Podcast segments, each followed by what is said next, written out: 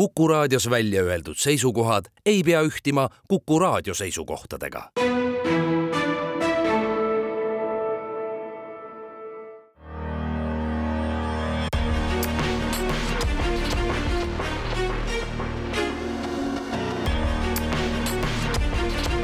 välismääraja välismääraja stuudios on täna terve tunni Eesti suursaadik NATO-s Jüri Luik, tere päevast! tere päevast! mina olen Neeme Raud. stuudiosse tulid otse lennujaamast, me räägime sina, palju intervjuusid on varem tehtud ja tulid otse Brüsselist, kus toimus Vilniuses NATO tippkohtumisel loodud NATO ja Ukraina nõukogu erakorraline koosolek. sel nädalal on suureks teemaks olnud Ukraina viljavedu, mida Venemaa püüab takistada. kas see oli ka selle koosoleku keskne teema, kas NATO ka selliste küsimustega tegeleb? jah, tõepoolest, asjad olid Brüsselist ja NATO-Ukraina nõukogu, mis loodi ju äsja Vilniuse tippkohtumise ajal selle organisatsiooni idee on, et äh, kõik NATO liikmed ja Ukraina istuvad äh, võrdsetena laua taga e, ja üks selle mm, kogu niisugune ülesanne on kriisikonsultatsioonid. Ja põhimõtteliselt võib iga liikmesriik, kaasa arvatud siis Ukraina, aga ka näiteks Eesti või Ameerika Ühendriigid selle kogumi kokku kutsuda ja arutada siis äh, päevakohaseid teravaid küsimusi. ja Ukraina seda võimalust kohe ka kasutas, mis oli väga hea, sest see näitas, et asi töötab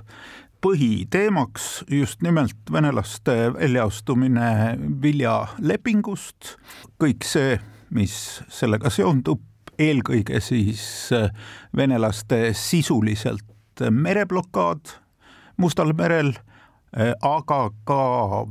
Donaul asuvate sadamarajatiste pommitamine, mm, pommid, mis langesid või ütleme, raketid, mis langesid tõepoolest mõned sajad meetrid Rumeenia piirist, mis oleks juba käivitanud ka NATO kuulsa artikli viis. nii et väga tõsine ja pingeline olukord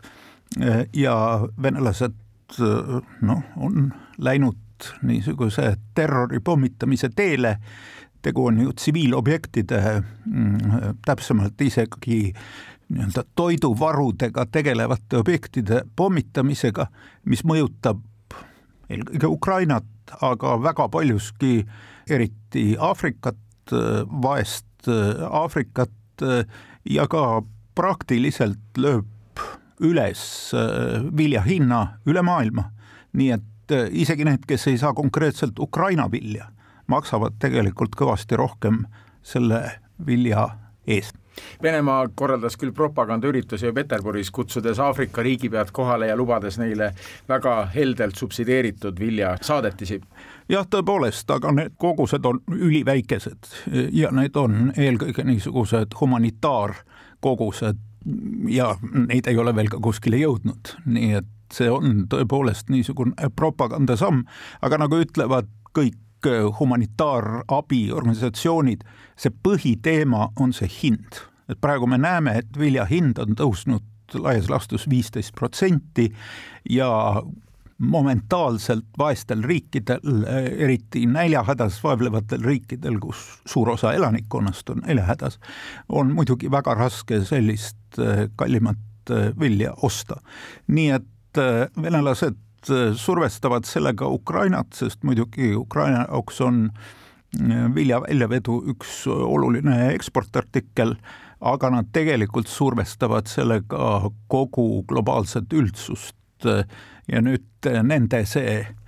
riskimoment venelaste jaoks ongi see, et kas nad suudavad siis propagandarelvaga selle kõik pöörata Ukraina ja laiemalt ka Lääneliidu vastu, et nagu meie oleksime kuidagi süüdi selles äh, globaalses äh, kriisis, mida me muidugi ei ole. Ukraina tõi selle küsimuse nüüd NATO ette, mida NATO Ukraina nõukogu otsustas, mida NATO suudab teha? tegelikult on ju niimoodi, et see konkreetne kogum on ikkagi eelkõige mõeldud konsultatsioonideks, ta ei ole otsuseid langetav kogum, aga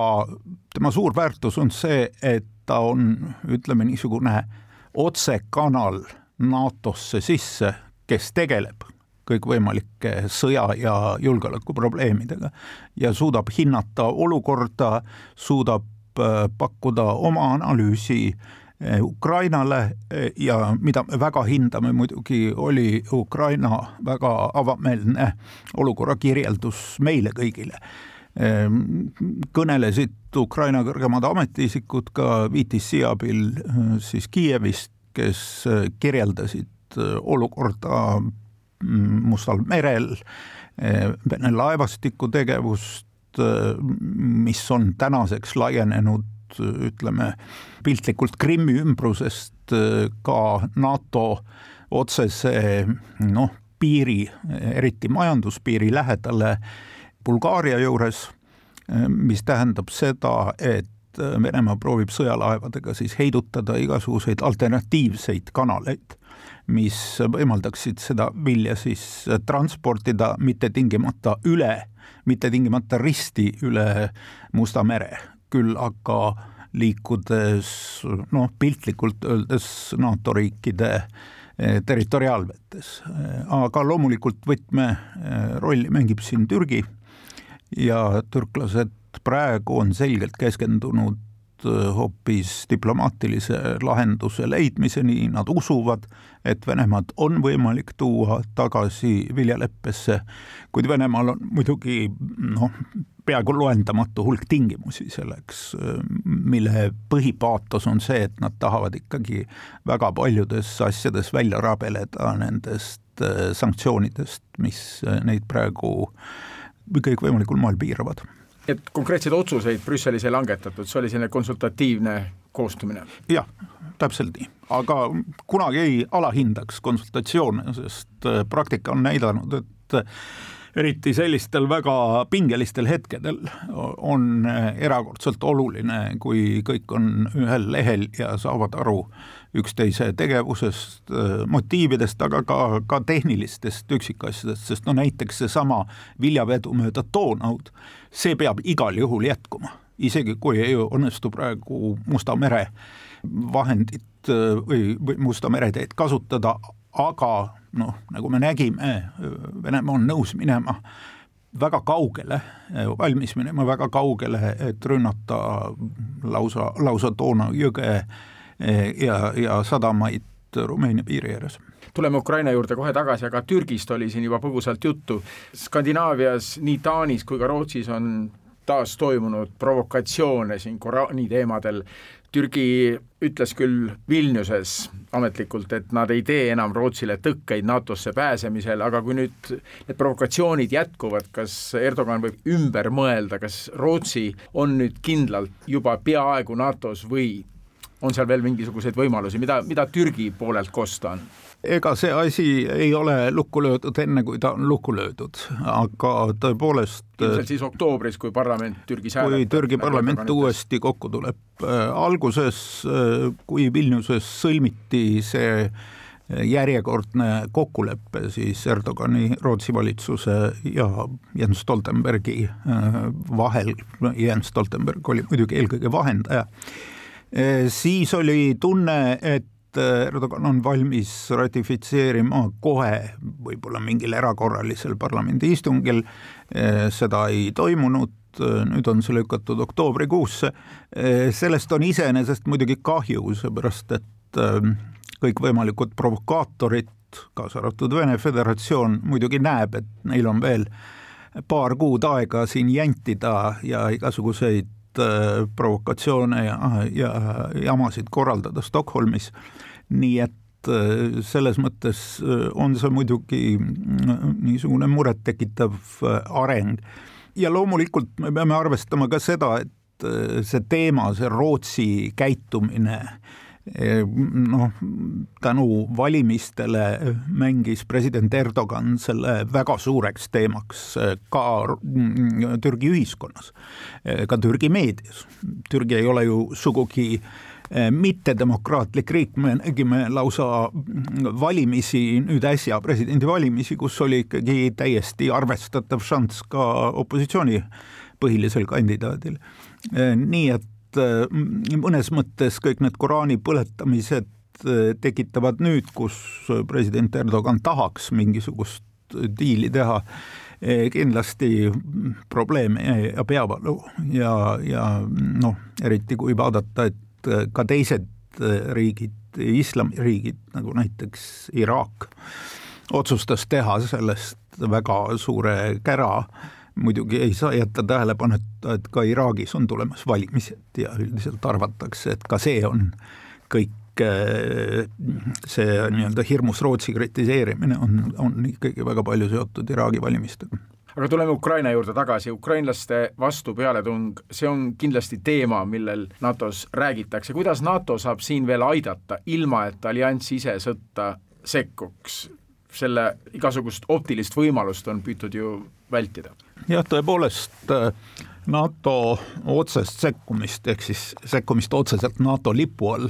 mm, on välditud, see on olnud äh, eelkõige Ameerika Ühendriikide kui NATO juhtriigi äh, poliitiline seisukoht. Nad on uskunud, et see lisab niisugust eskalatsiooniriski. NATO on nüüd palju aktiivsemalt sekkunud just nimelt poliitiliselt, eh, noh, kas või seesama väga keeruline arutelu Vilniuses eh, tulevase liikmelisuse, liikmelisuse üle. Ja tegelikult eh,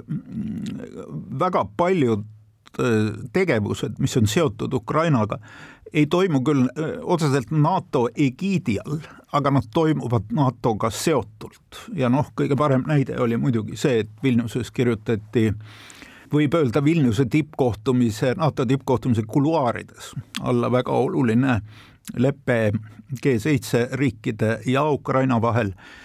mis siis noh, algab niisugusest äh, ühisdeklaratsioonist,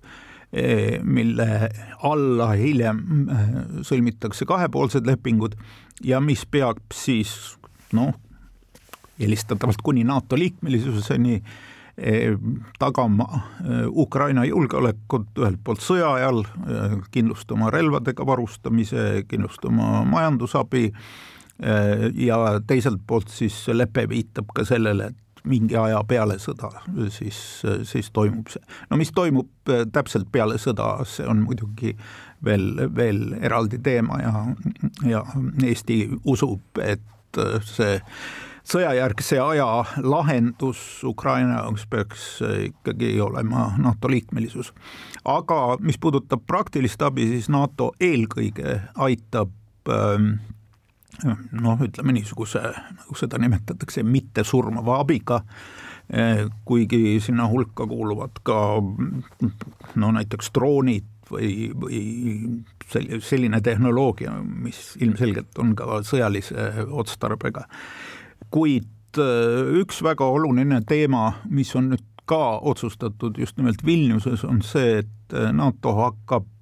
eraldi ja NATO-l on selleks hiiglaslikud mehhanismid ja tohutu ekspertiis, tegelema selle niisuguse ühildatavuse, relvade ühildatavuse teemaga ja mitte ainult relvade, vaid ka protseduuride ja see kõik toob äh, Ukrainat füüsiliselt NATO-le lähemale, aga see on väga tähtis ka tänasel päeval, seepärast et esiteks ähm, ähm, Ukraina sõdib täna juba NATO standardi äh, vastava relvastusega ja teiseks äh, Ukraina kasutab ka väga paljusid protseduure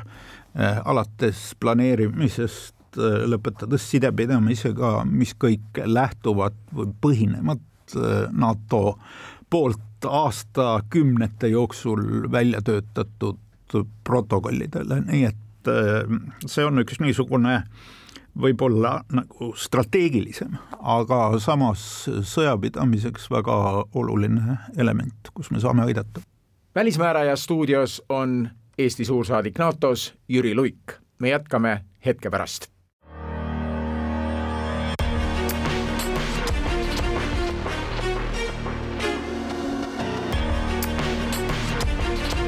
välismääraja. välismäärajas Jüri Luik, Eesti suursaadik NATO-s. Ukraina liigub pidevalt NATO suunas. Vilniuses võeti vastu deklaratsioon, kus rõhutati, et Ukraina tulevik on NATO-s, kas liikmesriikide vahel on nüüd kõik eriarvamused selles küsimuses ületatud või on seal deklaratsiooni taga siiski veel erinevaid lähenemisi, kuidas Ukraina ja millal võib NATO-sse jõuda? no tegelikult, kui seda kommunikeed lugeda, siis äh, sealt on näha, et ühest küljest joonistub sealt äh, välja siiski väga selge edasiliikumine sellel teemal, alates sellest, et on väga selge poliitiline sõnum, et Ukraina saab NATO-sse, on väga selge samm, mis puudutab ühe niisuguse takistuse äravõtmist NATO teelt, see on see niinimetatud MAP-programm, ma ütlen lihtsalt vahele, et see on niisugune oma, omamoodi absurdne olukord, et näiteks Eestile oli see MAP-programm ju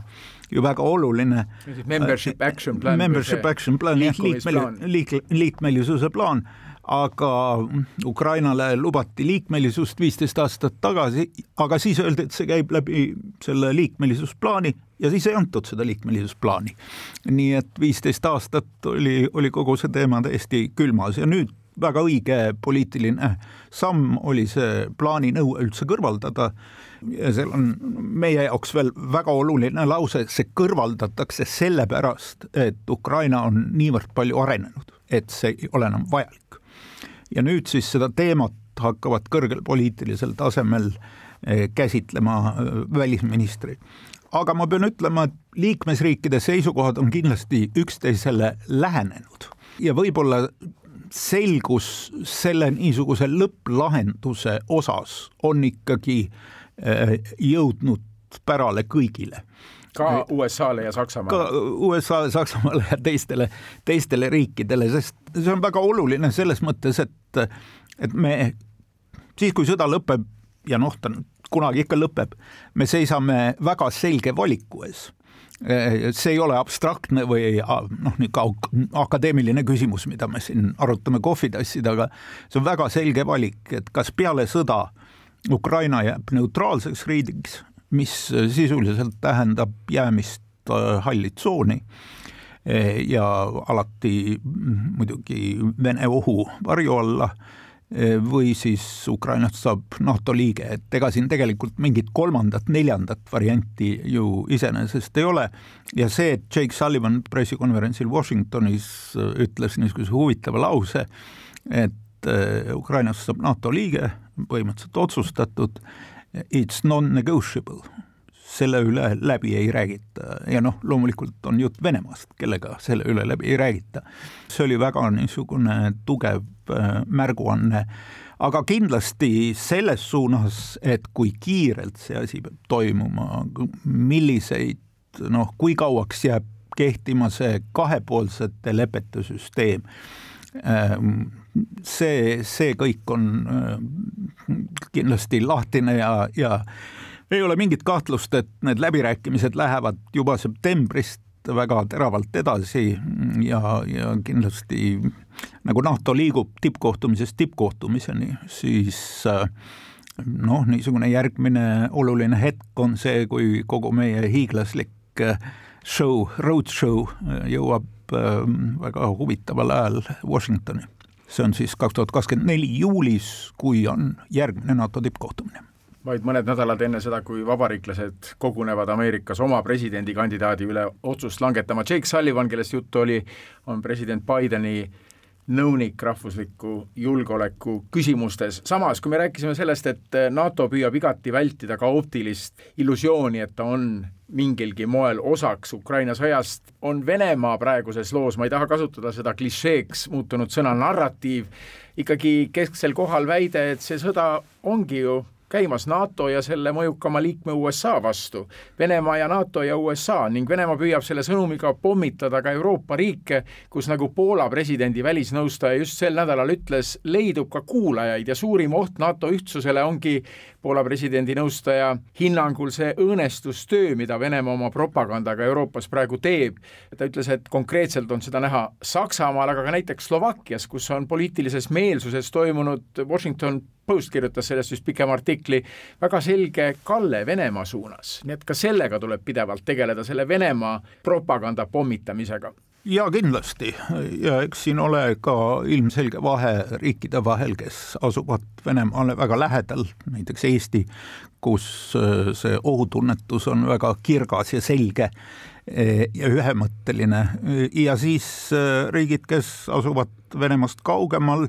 paljud neist tegelikult saavad kasu sellest, et nende vahel on Ukraina kes võitleb praegu ja noh, mõned riigid nagu näiteks Ungari ilmselgelt ei, ei anna väga palju krediiti ukrainlastele nende võitluse eest, vaid mõnes mõttes naudivad seda rahulikku,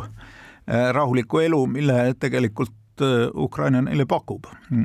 kuid Äh, pole kahtlust, noh, kas või näiteks Slovaki ühiskonnas äh, on kindlasti palju suuremaid gruppe inimestest, kes tingimata ju ei toeta Venemaad, kuid äh, samm-sammult võib tekkida selline sõjaväsimus, et kui kaua see kõik kestab ja, ja miks rünnakud ei ole edukamad ja kas siis tõesti venelastega ei saa millestki läbi rääkida ja nii edasi ja nii edasi, et et see kõik noh, sööb muidugi toetust, aga ma pean siiski ütlema, et äh, see toetus ka, ka nii-öelda erinevate riikide rahvaste toetus on olnud ikkagi väga tugev ja on mõjutanud ka valitsusi abistama oma jõududega või oma võimalust mööda siis äh, Ukraina rahvast, Ukraina võitleid, siin ei ole ju mm, mingit kahtlust, et venelased kõigi oma terroritegudega, mis paljastuvad, ma olen kindel, et Ida-Ukrainas ja Lõuna-Ukrainas, kus mm, Vene okupatsioon on kestnud väga pikka aega, saavad need äh, sõjakuriteod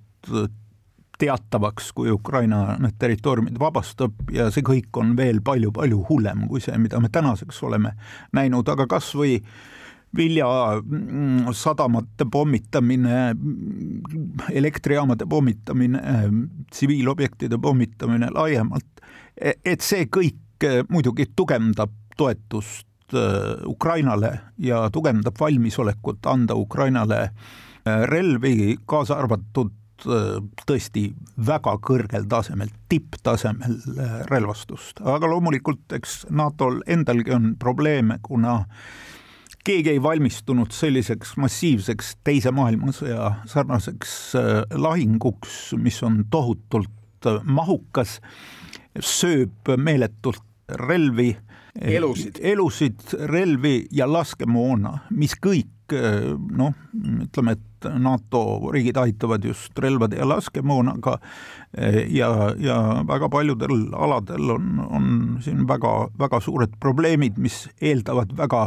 kiiret äh, vastavate tööstuste käivitamist ja uue relvastuse tootmist, millega on muidugi oma probleemid. Ent vastupealetung, meie Kaitseväe luurekeskuse ülem kolonel Margo Krossberg ütles just reedel, et Venemaa suudab oma inimkaotused Ukrainas uute värbamistega korvata, mis tähendab, et ta võib senises tempos sõda veel kaua jätkata, nii et ikkagi pikk sõda. samas, eks arutatakse ju ka võimalusi, kuidas seda sõda lõpetada ja sattusin lugema Washington Postis just sel nädalal kolumnit, kus meenutati USA peastaabijuhi kindral Mark Milli mullu novembris toimunud esinemist, kus ta sõjast Ameerika eliidile tausta andes ennustas, et Ukraina ei suuda venelasi niivõrd pikalt rindejoonelt jõuliselt tagasi lüüa ja et rinne jääbki pikaks ajaks üsna sarnasesse kohta seisma ja sõjale tuleb ikkagi lõpp läbirääkimistel, aga USA eesmärk on anda Ukrainale neil läbirääkimistel tugevaim võimalik positsioon, nii et see läbirääkimiste teema on ka kogu aeg kuskil ikkagi taustal olemas. läbirääkimiste teema on olemas, aga ka ameeriklased privaatsetes jutuajamistes äh, tõdevad, et äh, mingisugust soovi Putinil läbi rääkida ei ole ja loomulikult ukrainlased ei hakka läbi rääkima oma territooriumi äraandmise üle, see on, see on mõeldamatu. mis puudutab seda sõda, siis ma arvan ja mulle teeb natuke muret, et, et lääne meedias tohutult palju lansseeritakse sellist arusaama, et rünnak, vasturünnak, ukrainlaste vasturünnak läheb kuidagi hirmus aeglaselt ja et umbes oleksime oodanud palju kiiremat tegutsemist. selliseid arvamusi loeme ju praktiliselt kõikjal. selliseid arvamusi loeme kõikjal ja mind paneb see imestama, sellepärast et ma ei tea, mida me siis ootasime. et kui on kolm rida kaevikuid, kui on meeletud miiniväljad, kui on hiiglaslikud ettevalmistatud punkrid, et nüüd ukrainlased lähevad sealt läbi nagu nugavõist, noh, see oli ikka täiesti, täiesti ebarealistlik. nii et selles mõttes peavad ukrainlased kannatust varuma, sest ma arvan, nad on teinud õieti, et nad on hoidnud oma inimressurssi, mis tegelikult on sõjas ikkagi kõige olulisem, sul pole nendest peentest tankidest mingit kasu, kui sul ei ole tankiste, et nad on kõik juba, juba mulla all. Et selles mõttes ma arvan, nad teevad õieti, nad sõdivad teistmoodi kui venelased ja ma olen kindel, et see toob neile lõpuks ka, lõpuks ka kasu, jah, tõsi on see, rindejoon on väga pikk aga see teeb ka venelastele olukorra keerulisemaks, sest äh, kohe, kui kuskilt tulevad mingid läbimurded või selgub mingi pehmem koht, on risk, et äh, ukrainlased suudavad rindest läbi murda ja, ja Venemaa tingimata ei suuda oma vägesid koondada nii kiiresti. teame ju ka, et äh, Ukraina käsutuses on relvastust, äh, kas või needsamad Himarsid, mis on ülitäpsed ja võimaldavad hävitada igasugust äh, logistikat ja ma usun, et nüüd samm-sammult jõuavad kõik suured riigid ka selle juurde, et anda Ukrainale mm, pika tegevusraadiusega maal baseeruvaid rakette ja loodetavasti ka see lennukite asi liigub kiiremini, seepärast et neid on tõesti väga vaja, aga me peame ukrainlastele, Ukraina kindralitele, Ukraina poliitilisele juhtkonnale andma niisugust äh, tegevusrahu, et nemad peavad närvi hoidma ja meie peame ka närvi hoidma, sest tegelikult see, et meedias kogu aeg noh, kurdetakse, et rünnak ei lähe piisava kiirusega, see on ju tegelikult Vene propaganda toetamine, seepärast et äh, Putin ütleb täpselt sama, rünnak on läbi kukkunud, ukrainlaste vasturünnak on läbi kukkunud äh, ja nii edasi ja nii edasi ja, ja kui lääne soliidsed meediaväljaanded kõike seda toetavad, siis see on ju erakordselt, erakordselt negatiivne. teine asi, mis mind ka natuke häirib, on see, et eh, ühest küljest on hea, et rahvast hoitakse, ma mõtlen siin lääne ühiskondi hoitakse kakskümmend neli seitse kursis kõigi toimuvate sammudega, samas natuke paneb mind muretsema see, et eh, väga palju on ikkagi lekkeid, mis puudutavad Ukraina pealetungisuundi, väga paljud Ameerika ja muud erukindralid analüüsivad lahinguolukorda, no tõesti Äh, tehes ikkagi ka vastasele teatava teene sellega, kes kindlasti jälgib väga tähelepanelikult seda informatsiooni. nii et siin ka need inimesed, kes äh, konkreetselt seda sõjalist teemat kaardil nii-öelda analüüsivad, äh, noh, ma ei ütle, et seda ei pea tegema, aga siin peab iseendale väga täpselt aru andma, mida täpselt võib või tasub öelda ja mida ei, ei tasu võib-olla välja käia. ka Ukraina oma avaldused on optimismi siin süvendanud, räägiti ju siin mõne nädala eest, et võib-olla juba aasta lõpuks ollakse Krimmis väljas, loomulikult Kiiev peabki selles sõjas väga jõulisi ja optimistlikke prognoose tegema, aga ka need tekitavad kuidagi tunde, et, et kuidas siis Krimmini jõutakse, kui praegu midagi ei edene. siin on võib-olla päris huvitav see, et äh, näiteks äh, USA kaitseminister äh, Lloyd Austin, kes on ju lõpuks ise ka neljatärni kindral, on, on tihtipeale ka meedias esinedes kasutanud võimalust, et lihtsalt seletada meile tsivilistidele, kuidas see asi toimub. Ja, ja tema tees on alati see, et kallid sõbrad, arvestage, et kõige raskem etapp ongi see esimene etapp sest seal ongi need kindlustused, sinna ongi rajatud see nii-öelda põhiline tõrjesuund, kui sealt läbi murtakse, kui õnnestub sealt läbi murda, siis läheb kõik palju lihtsamaks ja palju kiiremaks, nii et selles mõttes seda, et need esimesed faasid lähevad aeglaselt ja, ja ukrainlastel äh, õnnestub liikuda tõesti ainult sammhaaval. ja praegu me oleme neis esimestes faasides? oleme praegu esimestes faasides ja kõige suuremaks probleemiks, mida ju võis ka arvata, on, on ikkagi need hiiglaslikud miiniväljad ja nende kasutamine, need on muidugi väga suur pauk Ukrainale kaudselt, kuna Vene sõdurid ka tõenäoliselt ei tea, kus need miiniväljad asuvad, see muidugi välistab ka selle, et kõik kargavad kaevikust välja ja tormavad minema kuskile, et seal on ikkagi mitu miiniväljade rida. nii et kui omad hakkavad taganema Vene, Vene mõistes, siis on täiesti võimalik, et nad ise satuvad ka miiniväljadele. välismääraja stuudios on Eesti suursaadik NATO-s Jüri Luik ja kui saade jätkub mõne hetke pärast, küsin, miks Põhja-Atlandi alliansi jaoks on Aasia dimensioon üha olulisemaks muutunud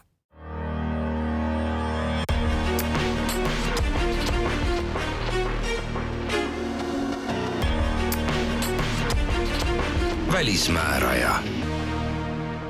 jätkame Välismäärajat, stuudios on Eesti suursaadik NATO-s Jüri Luik. Vilniuses NATO tippkohtumise ajal räägiti ajakirjanike saalis vähemalt sellest, et osa Euroopa riigipäid tunneb muret, kui tugevaks jääb Ühendriikide toetus Ukrainale ja ka NATO-le endale pärast tuleva-aastaseid presidendivalimisi kus edu võib saata, kui mitte just NATO skeptilist Donald Trumpi ennast, siis mõnda teist samuti NATO-le raha kulutamise suhtes kriitilist, skeptilist vabariiklast. kas see teema kuidagi ka NATO enda peakorteris kõneks on, USA järgmise aastased valimised? Hetkel mitte väga, et valimised niisuguse USA valimiskalendri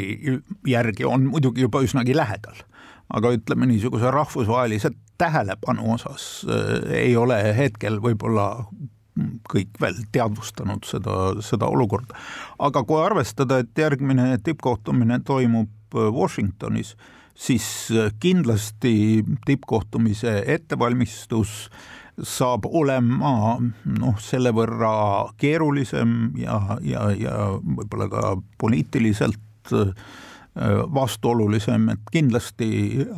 ameeriklased, Ameerika administratsioon on huvitatud, et see tippkohtumine annab niisuguse positiivse tõuke eh, ka poliitilises kalendris. Ja siis tekib küsimus, et noh, mis teemad need on, mis eh, on eh, positiivsed, aga samas huvitavad kõiki liikmesriike. nii et ma usun, see valimiskeskkond, eriti kuna me noh, see tippkohtumine ei toimu ei Portugalis, ei Tallinnas, vaid just nimelt Washingtonis,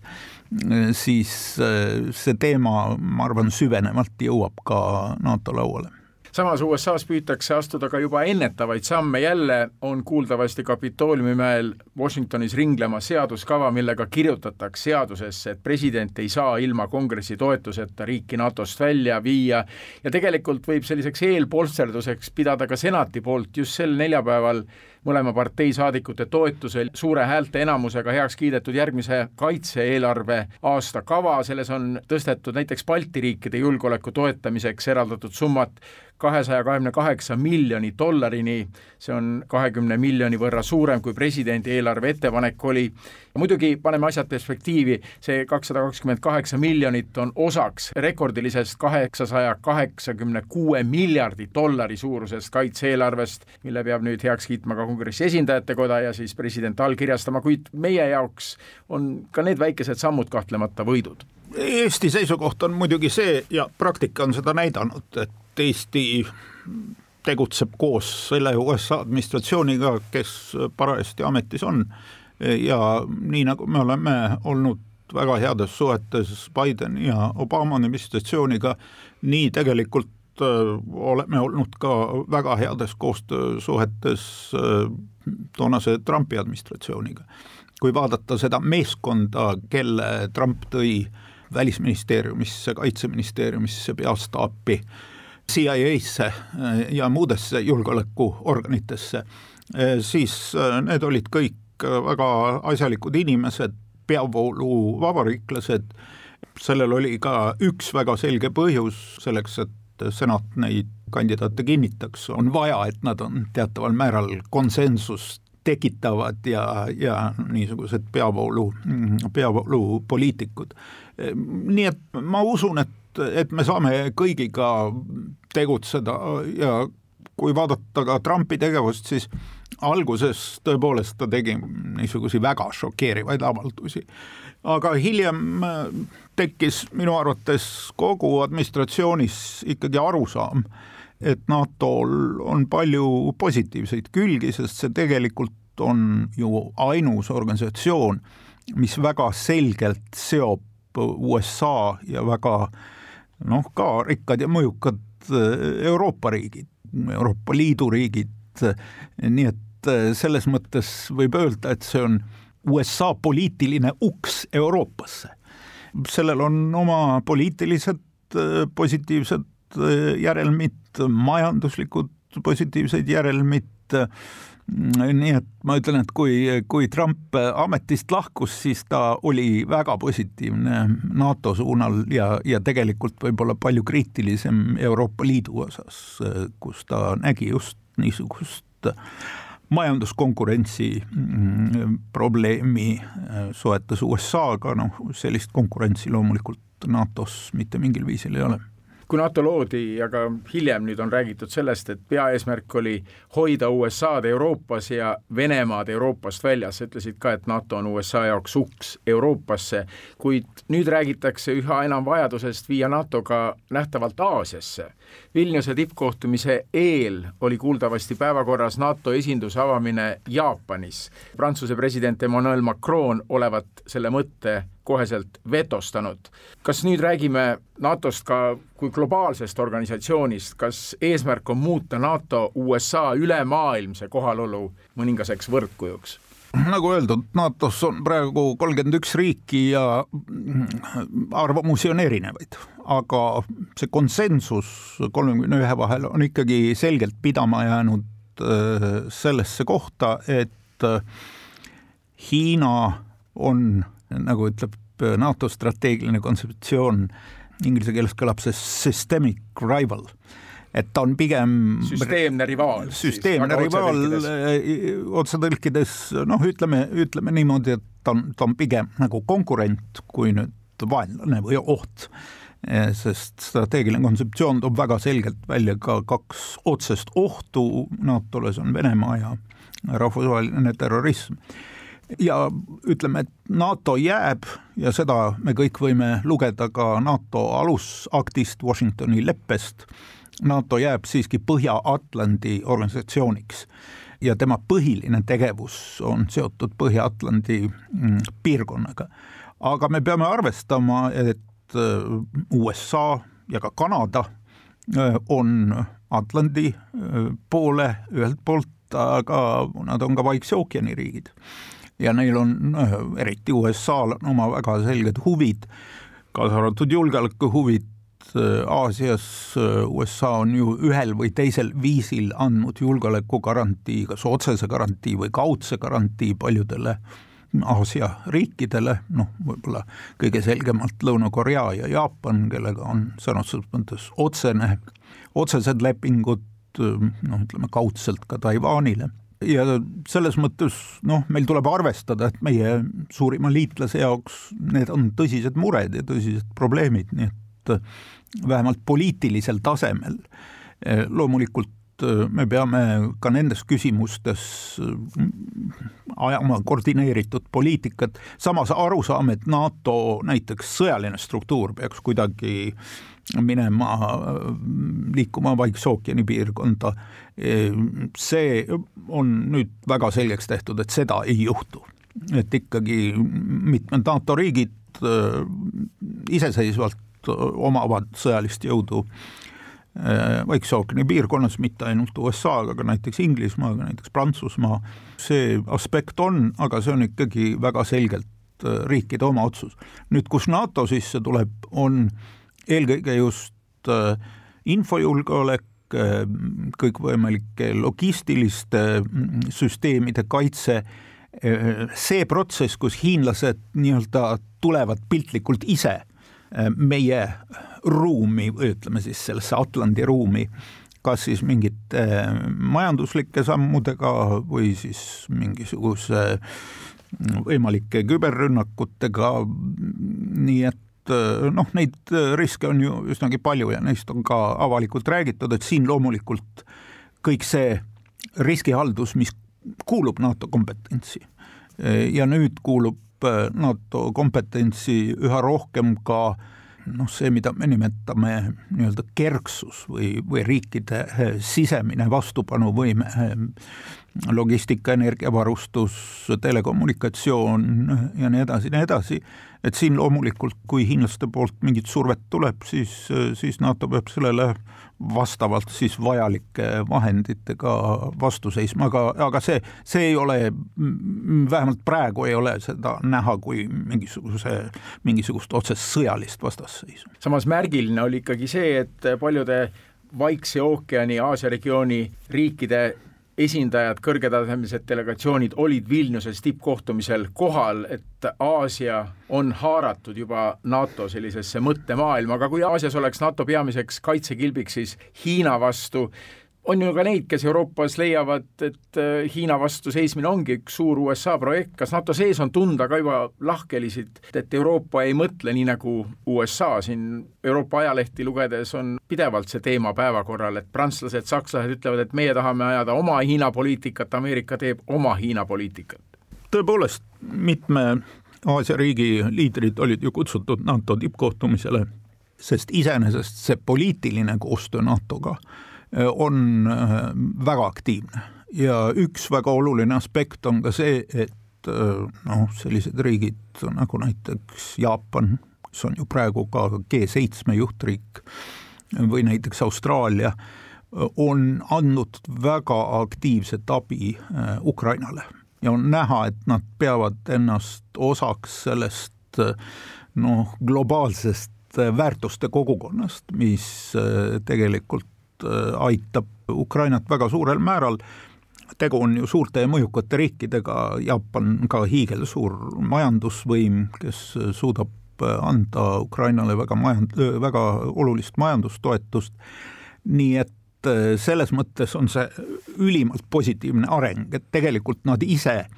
ju on astunud sellega Euroopasse need riigid on ise otsustanud seda, mitte niivõrd meie ei ole sinna läinud, vaid nemad on tulnud Euroopasse ja muretsevad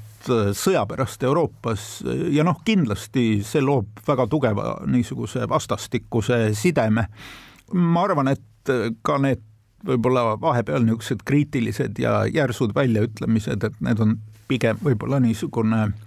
ühe, ühe päeva hetkeline kommentaar, et iseenesest Äh, ma ei näe, et äh, need vastuolud äh, oleksid väga suured ja lõppude lõpuks, mis puudutab USA poliitikat, siis see on ju üsnagi selgelt ja, ja ühemõtteliselt defineeritud ja see puudutab ikka teiste riikide õigust elada suurriigi Hiina kõrval, nii et nad tunneksid ennast kaitstuna ja julgena, et selles mõttes ameeriklased ei soovi ju midagi äh, unikaalselt või, või, või maavärinat tekitavat. samal ajal USA majandussuhted Hiinaga on erakordselt aktiivsed ja suuresti läbi põimunud on need kaks majandust väga paljudes tööstusharudes ja tegelikult Euroopas ongi kriitikuid, kes ütlevad, et jah, USA ja, ja Hiina vahel on pinged, aga kui me vaatame USA äride tegevust, Hiinas, siis äh, tegelikult kogu see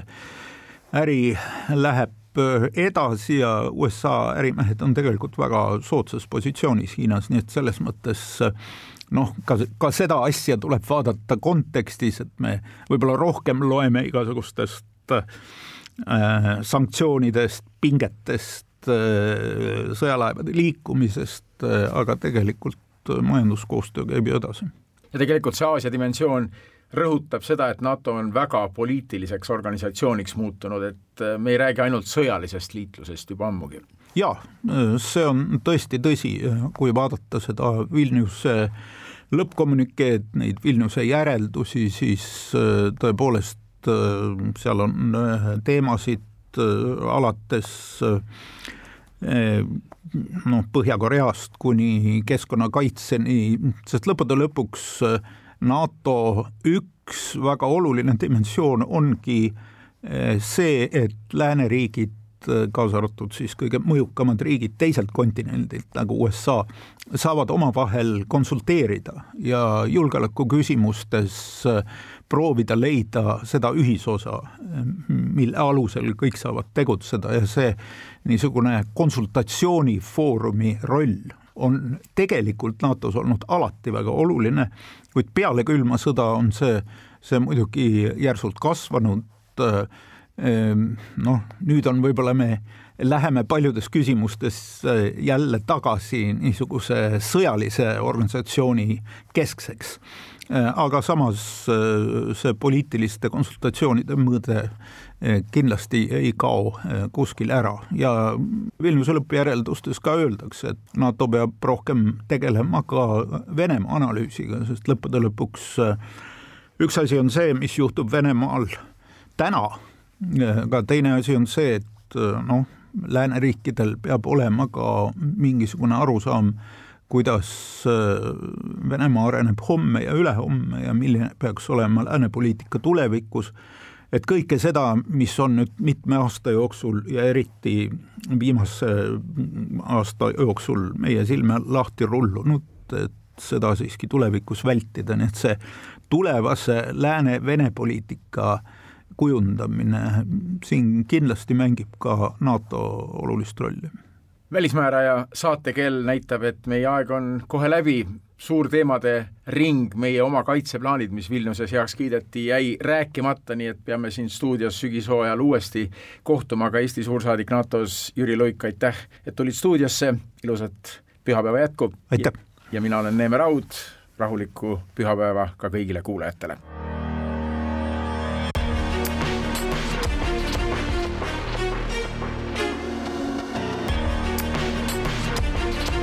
Välismääraja